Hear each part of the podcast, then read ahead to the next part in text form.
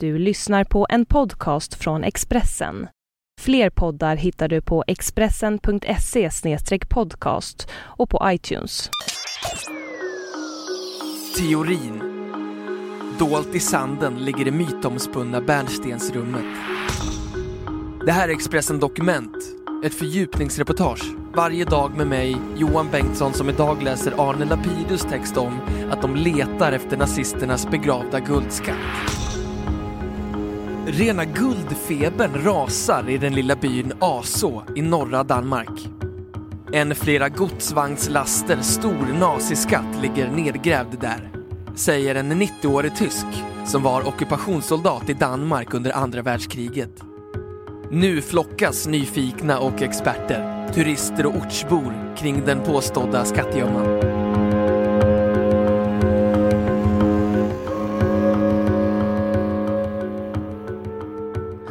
Wilhelm Kraft har åkt tåg i mer än 100 mil från sitt hem i södra Tyskland till Aså på Jyllandskusten i nordligaste Danmark för att avslöja den tunga hemlighet han har burit på i 69 år. Han säger att han som ung soldat var med om att gräva stora hål där en skatt gömdes i det av Nazityskland ockuperade Danmark.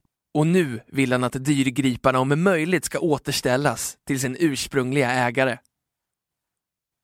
Ända sedan han var med om den topphemliga operationen sensommaren 1944 har han varit rädd för att tala om det han såg. Han har fruktat nazister i Tyskland, säger han. Men nu som 90-åring är det hög tid att berätta. Jag har varit rädd. Så vitt jag vet är jag den enda överlevande av oss som deltog den gången.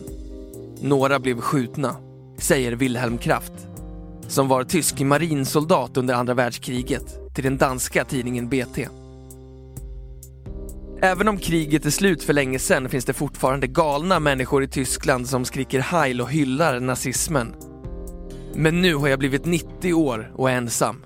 Jag vill inte dö utan att dela med mig av det jag vet. Mitt samvete ska bli rent, säger han. Wilhelm Kraft vet inte vad som placerades i hålen, men är övertygad om att det var smycken, guld och andra ädelmetaller. Kanske tandguld som nazisterna plundrade från judar som mördades i dödsläger. Han berättar att han och 47 andra soldater blev kommenderade att gräva tre stora hål på stranden. Sex meter långa, fyra meter breda och fyra meter djupa. Sen dök det upp ett hårdbevakat godståg med tre till fem vagnar. Han fick en skymt av deras last, som var trälådor. Varken han eller de andra grävarna tilläts komma i närheten. Men lådorna sänktes ner i de stora hålen, säger han. Nu är den gamla soldaten tillbaka efter 69 år och är övertygad om att han har identifierat den riktiga platsen. Krafts uttalanden har skapat en formlig guldrush på norra Jylland där det ända sedan krigsslutet har cirkulerat rykten om hemliga nedgrävda naziskatter. Historiker och arkeologer vill höra honom.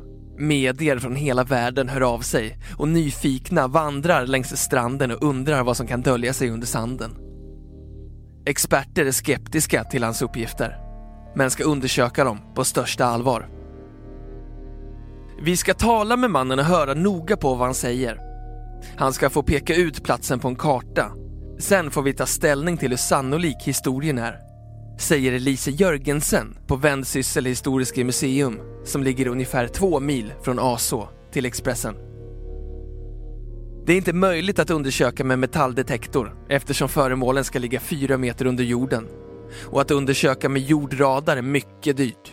Våra arkeologer får bestämma vad som är möjligt att göra. Vi ställer oss lite tvivlande till att det verkligen ligger guld där. Det är svårt att gräva djupa hål på platsen eftersom vattenståndet är högt där men vi utesluter ingenting, säger hon. På museet i Vänsyssel ägnar man sig åt historisk och arkeologisk forskning på norra Jylland och har bland annat ett bunkermuseum i Hitchhals som visar tyska befästningar från andra världskriget. Intresset för ockupationstiden och andra världskriget är mycket stort. Och nu får den påstådda skatten i ASO mycket stor uppmärksamhet, säger Lise Jörgensen.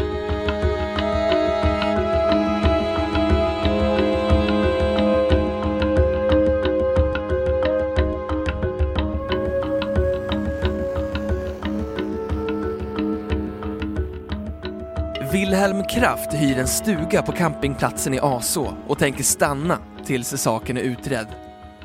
Han säger att han har uppnått precis det han ville med sin långa resa. Nämligen att experter ska undersöka vad som ligger i hålen. Sommaren 1944 var han matros på en tysk ubåt som sänktes av de allierade utanför Bergen i Norge. Han blev brännskadad och som en av bara tre överlevande transporterades han till ett sjukhus i danska Skagen. När han återhämtat sig sattes han på ett tåg till Aså. Han och hans förband inkvarterades på en lokal skola. De fick i uppdrag att gräva tre stora hål. Han minns att det var blött och lerigt att gräva och att de fick tömma ur vatten med hinkar. När hålen var klara efter tre månader anlände en hemlig transport.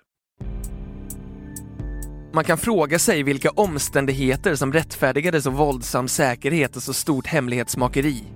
Det lades ner mycket kraft på att gömma det och se till att vi inte stal något, säger Wilhelm Kraft till BT. Min teori är att det var ädelmetaller eller liknande som man ville få ut ur Tyskland innan fienden kom. Det är nästan det enda som klarar sig i den fuktiga jorden, säger han. Wilhelm Kraft pekar ut platsen där de grävde för den danska tidningen. Det är precis här. Det var så här det såg ut, säger han. Det var några få meter upp på stranden som vi grävde. Stranden är likadan men havet har ändrat sig lite. Den gången fanns det inte nöjesbåtar som nu. Då låg det bara ett par fartyg här. Jag minns att vi kunde se Sverige i klart väder. Han har en egen, smått fantastisk teori om att den nedgrävda skatten skulle vara det mytomspunna bärnstensrummet kallat världens åttonde underverk, vars guld och bärnstensväggar stals av tyskarna från ett palats utanför dåvarande sovjetiska Leningrad under andra världskriget. Dyrbarheterna fördes till tyska Königsberg där de uppgavs ha förstörts i en bombattack 1944. Många hävdar att de i själva verket fördes bort tidigare och mysteriet har aldrig lösts. Det var i den vevan som godsvagnarna med sin hemliga last anlände till danska Aså. Danska forskare har en inte fullt så fantasieggande förklaring till varför Wilhelm Kraft befann sig i Aså 1944 och till vad hålen skulle användas till.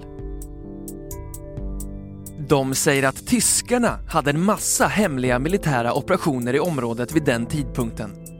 Bland annat placerade man där ett kanonbatteri som skulle försvara den tyskockuperade danska kusten mot ett brittiskt anfall. Och hela anläggningsarbetet med byggandet av bunkrar och annat utfördes av soldater från den tyska krigsmarinen som Kraft tillhörde. När han talar om några stora hål som grävdes av några marinsoldater säger det mig att det nog snarare handlar om detta än om en skatt. Jag tror att han tillhörde den batteribesättningen, säger Jens Andersen, chef på Museumcenter Hansholm och expert på tyska kustförsvaret i Danmark under kriget, till den danska tidningen Politiken. Aså var liksom andra platser längs kusten också bas för en topphemlig tysk mobil styrka med så kallade torpeder, skriver Politiken. Det var små enmansubåtar med sprängladdning som blixtsnabbt kunde sättas in och sänka brittiska fartyg. Ubåtarna gömdes i skogen och var så hemliga att inte ens tyska soldater på plats, som Wilhelm Kraft, fick veta något. De var topphemliga för man ansåg att det var mycket effektiva vapen, så man höjde säkerhetsnivån kring dem. Det kan mycket väl vara det som man fick uppleva en del, säger Jens Andersen till politiken.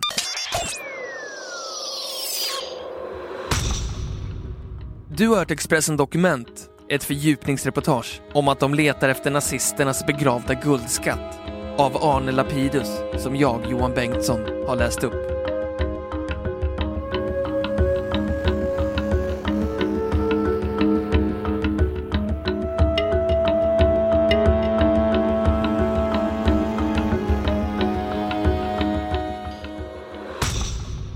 Du har lyssnat på en podcast från Expressen. Ansvarig utgivare är Thomas Mattsson.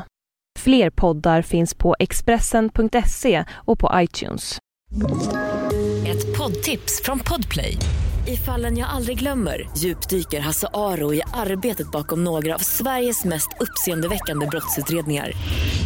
Går vi in med hemlig telefonavlyssning och, och då upplever vi att vi får en total förändring av hans beteende. Vad är det som händer nu? Vem är det som läcker?